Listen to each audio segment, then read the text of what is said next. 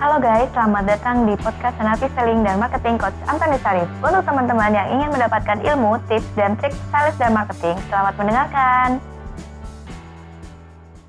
Halo sahabat sales di mana pun anda berada, jumpa lagi dengan saya Nabilani dalam YouTube channel Coach Antonius Arif dan saat ini sudah ada bersama dengan saya Coach Antonius Arif. Halo Coach. Halo. Sehat ya Coach ya? Mudah-mudahan, amin. Oke, sehat. Salam sehat dan senyum selalu Coach Arif ya. Oke. uh, Karena saya nggak boleh sakit soalnya. Iya, sebagai seorang sales ya, sahabat sales harus selalu semangat di mana pun ya. Oke, eh, Coach Arif, eh, buat sahabat sales nih, Yap. sebentar lagi kan akhir tahun. Mhm. Nah, akhir tahun tentunya kan sudah ini ya harusnya sudah tidak lagi melihat untuk eh, Yang sudah goal terjadi yang terjadi sudah- lah ya, maksudnya gitu ya. ya. Heeh. Tapi ntar dulu sebentar sebelum akhirin. Kita masih ada Desember. Jadi buat Hmm. teman-teman, selama gong belum berbunyi, jangan stop. Itu dulu. Itu Sebelum gong berbunyi, sales nggak ya? boleh stop. Ingat, Oke. tanggalan itu sampai tanggal Desember sampai tanggal 30 32. Oh, 31. 31. 31. 31. Jadi, kalau tanggal 31 masih hari kerja, Anda masih berjuang sampai tanggal 31 sampai gong berbunyi. Jadi kalau sales udah nyerah dulu sebelum gong berbunyi, nggak usah jadi sales, mendingan jadi karyawan online aja ya. Ya, Oke. Nah, Nah, eh, tapi kalau sudah lewat, nah baru kita ngomong, kita ngomongin masa depan. Jadi jangan pasrah dulu teman-teman. Kebanyakan sales adalah menyerah sebelum berakhir. Mungkin bukan menyerah kali ya coach ya. Karena sudah akhir ye, ntar lagi libur akhir tahun. Ya itu balik Gitu lagi ya. nggak kalau itu memang buat orang-orang yang bekerja di bagian operasional boleh melakukan Oh, itu. Tapi iya, untuk iya. bagian sales tidak bisa karena sales itu berakhir itu setelah dia mencapai target. Jadi makanya kalau sales yang udah capai target, selamat buat anda yang telah capai target berarti anda udah boleh liburan. Ya udah boleh liburan. Tapi kalau belum capai target, ingat selama belum tanggal 31 masih bisa fight. ya, oke. Dan Coach, tanggal 31 uh, masih bisa di invoicing. Yang penting invoicing. Iya, iya, iya. Oke, eh, coach, ini nih buat eh, sahabat sales yang Ya. eh, mau memulai tahun yang baru gitu ya di Mhm. tahun depan tahun 2022 gitu kan. Dengan harapan baru gitu ya coach ya. Semoga Mhm. juga pandemi sudah mulai berangsur membaik gitu kan. Mhm. Dan eh, sudah mulai lancar perekonomian. Nah, ini buat teman-teman sahabat sales, ada nggak sih coach untuk tips and tricksnya bagaimana mereka membuat goal, menyusun goal Hmm. untuk eh, pencapaian sampai dengan akhir Oke. tahun 2022. Yang pertama, mungkin saya tidak terlalu setuju dengan kalimat bahwa semua akan menjadi membaik. Membaiknya belum kayaknya di 2022. Hmm. Belum. Ya bukan artinya saya pesimis. Saya mau pakai konsep konsep prinsip yang saya pakai adalah James Stockdale. Kenapa? Karena balik lagi gini, saya nggak mau mengajak teman-teman terlalu positive thinking. Karena kalau terlalu positive thinking malah jadi bahaya. Karena di masa ini yang dibutuhkan adalah Stockdale paradox. Yaitu adalah di mana ya nanti ada tulisannya di sini di bawah ya nanti ini adalah terjemahan bebas saya adalah segala sesuatu anda harus meyakini bahwa anda pasti menang. Yang pertama yakini menang. Yang kedua harus ngeliat realita. Realitanya apa? Realitanya adalah masih masa pandemi. Kenapa saya mengatakan ini? Gini jawabannya sederhana, Bu. Kita ingat lagi, kita coba ingat waktu COVID terjadi, waktu pertama kali COVID terjadinya adalah di negara Eropa itu di musim dingin. Mm-mm. Oke. Nah, sedangkan di masa di Indonesia baru akan mulai berasanya after setelah Desember Iya. yaitu adalah Januari, Februari, dan Maret. Maret. Nah, berarti apalagi di beberapa negara sudah masuk gelombang ketiga, ada yang gelombang keempat, malah ada yang lagi mau masuk ke gelombang lima. Kita baru gelombang ke satu, sekarang mau gelombang kedua nih. Jadi buat saya, saya cuma mengatakan, boleh Anda positive thinking, boleh Anda menyatakan bahwa COVID nggak ada. Tapi buat saya adalah lebih baik kita sebagai sales harus melihat realita yang ada dulu. Hmm. Realitanya adalah apa? Jadi makanya kenapa kalau kita bicara goal setting, saya nggak mau ngajarin goal setting untuk mikirin bahwa tahun depan adalah COVID nggak ada. Itu yang saya nggak mau. Saya mau bayangin adalah anggaplah COVID masih ada. If COVID masih ada, what should we do? Sebagai sales. Itu dulu. Jadi itu ada yang disebut namanya Stockdale paradox. Jadi melihat sesuatu, gua pasti menang, gua pasti capai target. Tapi dengan kondisi realita yang ada. Ya, saya ambil contoh lagi bu. Ceritanya kalau nggak salah di tahun 2020, waktu itu pernah saya kontak satu orang. Saya ingat banget, saya kontak salah satu orang pemimpin asuransi bu. Hmm. di salah satu kantor agensi terbesar, termasuk salah satu yang terbesar lah. Kita nggak bisa bilang terbesar, tapi salah satu terbesar.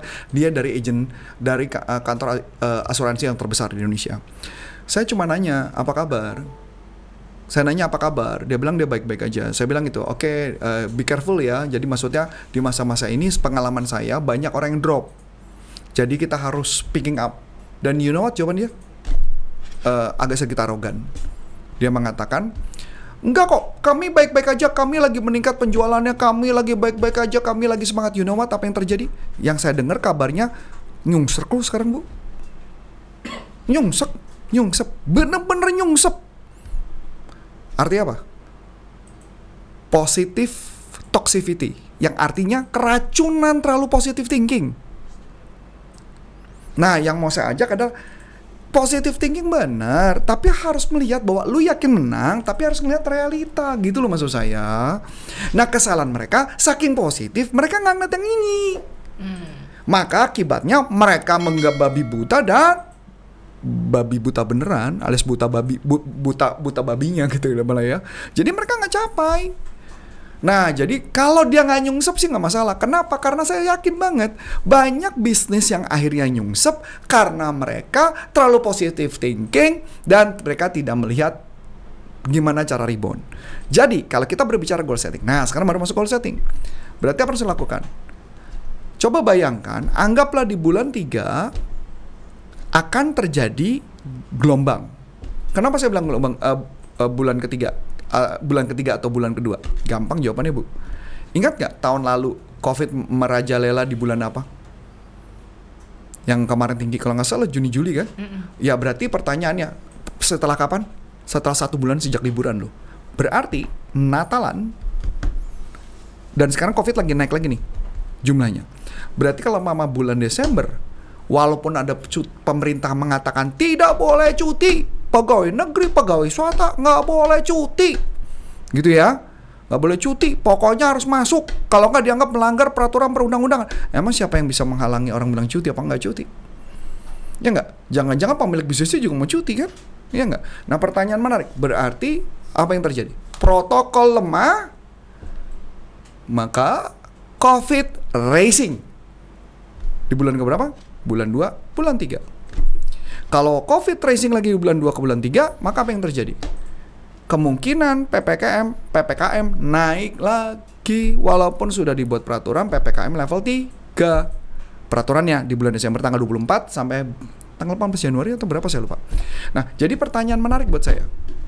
Berarti apa yang harus dilakukan? Yang harus dilakukan adalah buat goal setting sambil mengamati kondisi kalau sampai terjadi PPKM harus melakukan apa. Nah, jadi goal setting agak beda nih, Bu. Jadi, goal settingnya sama, ngejar omset. Tapi bedanya sekarang kita ngeliat, oh ada ranjau.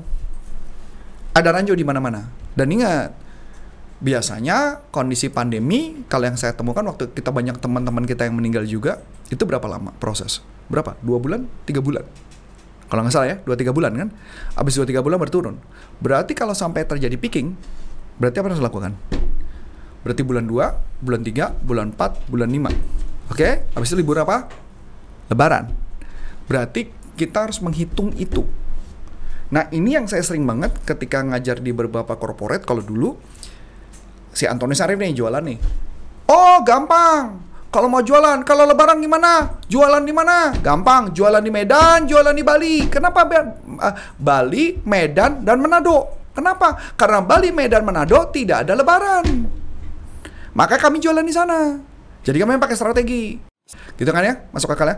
Kalau misalkan lagi bulan-bulan biasa, jualan ke mana? Ke Pulau Jawa.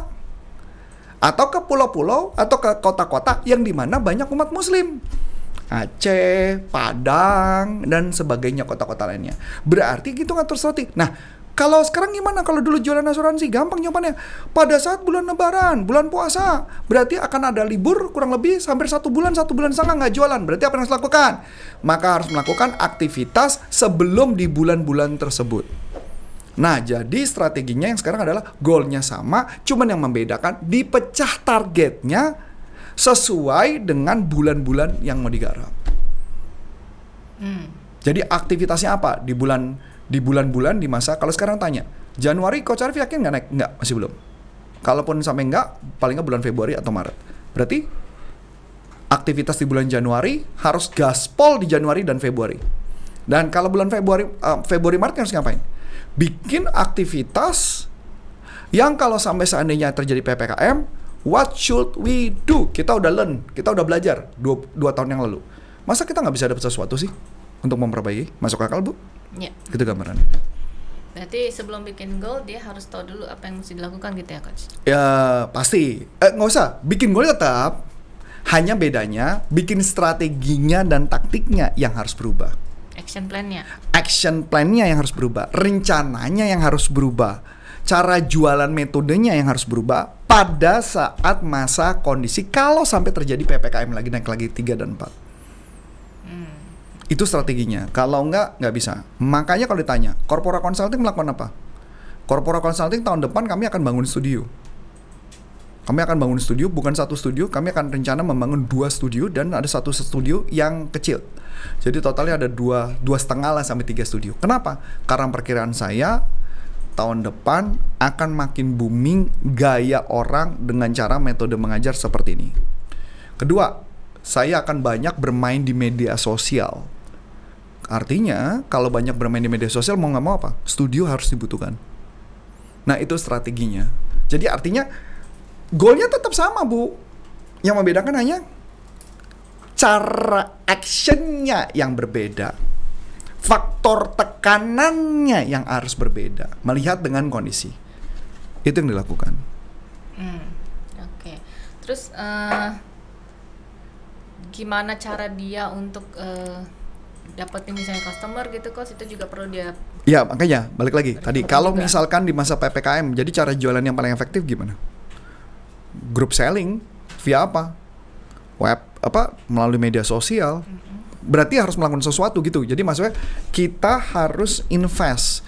Kalau saya paling suka kalimat eh, salah satu sahabat kita di digital marketing dia cuma ngomong gini, coach bangun aset digital gitu ya. Itu menarik buat saya kalimat aset digital. Saya pikir tuh cuma digital sosial media, cuma sosial media. Ternyata enggak loh bahasanya adalah aset digital. Aset digital kan kayak bangun rumah gitu loh. Bahwa suatu saat bisa kita jual gitu loh. Jadi menurut saya iya juga ya. Yang paling susah adalah bangun aset digital. Masuk akal sih menurut saya. Jadi itu yang harus dilakukan di masa-masa ini. Jadi what should we do? Yang penting what should we do? Kita mesti start. Kalau orang yang nggak start sampai sekarang, di masa sekarang nih, kondisi lagi enak nih, dia nggak start nih, begitu kejadian ada PPKM apa yang bakal terjadi? Telat. Telat. Itu aja yang saya gambarkan.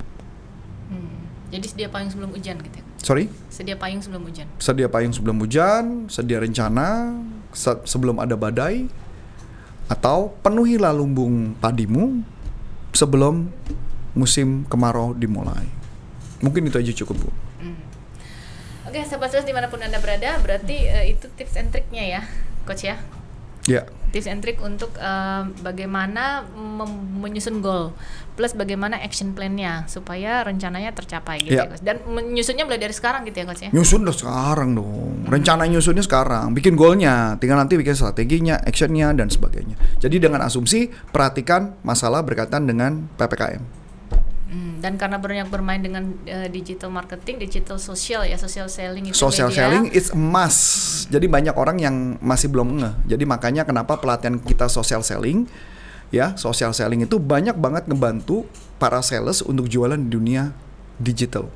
Nah, buat sahabat sales yang pengen tahu pelatihan tentang social selling, nanti bisa dapatkan Di informasi. caption, di caption, Ya, di caption sini ada juga di ya, ada, Ada- ada linknya. Hmm. Ya, dan siapa yang dihubungi juga nanti ad- ada di sini ya. Ada nomor teleponnya. Ya. Hmm. Nah, oke, eh, eh, Coach Arif berarti kalau misalnya nih eh, buat sahabat sales yang pengen eh, tetap upgrade untuk skillnya, skill sellingnya, Bisa itu- masuk ke salesuniversity.id.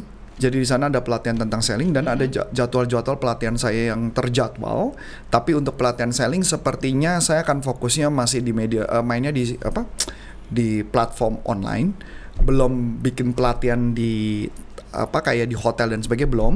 Hanya pelatihan NLP saja karena kita kebetulan kita lagi meluncurkan lisensi eh, lisensi eh, Business Practitioner of NLP di approved by Dr. Richard Bandler dan itu yang akan kita buat secara offline. Hanya itu aja ya. Hanya maksudnya? itu dan ya itu aja yang dulu. Kayaknya yang lain nggak. Kami kita fokusnya adalah di online karena lebih memudahkan buat teman-teman dari berbagai kota untuk belajar. Yang penting hanya mau menyisikan uang. Ya ibaratnya komisi lah anda sisihkan, cuma untuk upgrade diri anda. Ya. Itu aja sih. So, oh iya satu lagi. Saya juga meluncurkan buku Selling Insight. Dan di Selling Insight harganya murah banget. Cuma berapa? 100 sekian ribu. Nanti ada harganya di sini. Dan yang menarik adalah dikasih voucher. Nah, Voucher pelatih ikut pelatihan. Saya lupa berapa nilai. 100 ribu kalau nggak salah. 100 ribu ikut pelatihan di salesuniversity.id. Dan juga voucher 50 ribu untuk pelatihan online saya yang tatap muka. Baik dengan saya maupun tim saya. Uh gila nggak? Udah dapat voucher 150 ribu. Harga bukunya kayaknya nggak sampai 150. Wih gila ya langsung balik modal ya kan? Asik banget ya? ya? Ikut pelatihan lagi Oke So akhir kata saya Coach Antoni Syarif dan saya Namelani. Mengucap banyak terima kasih Sukses buat Anda Dan sampai jumpa Salam performance Bye bye Nah, untuk teman-teman yang sudah menerangkan, terima kasih ya dan nantikan podcast selanjutnya.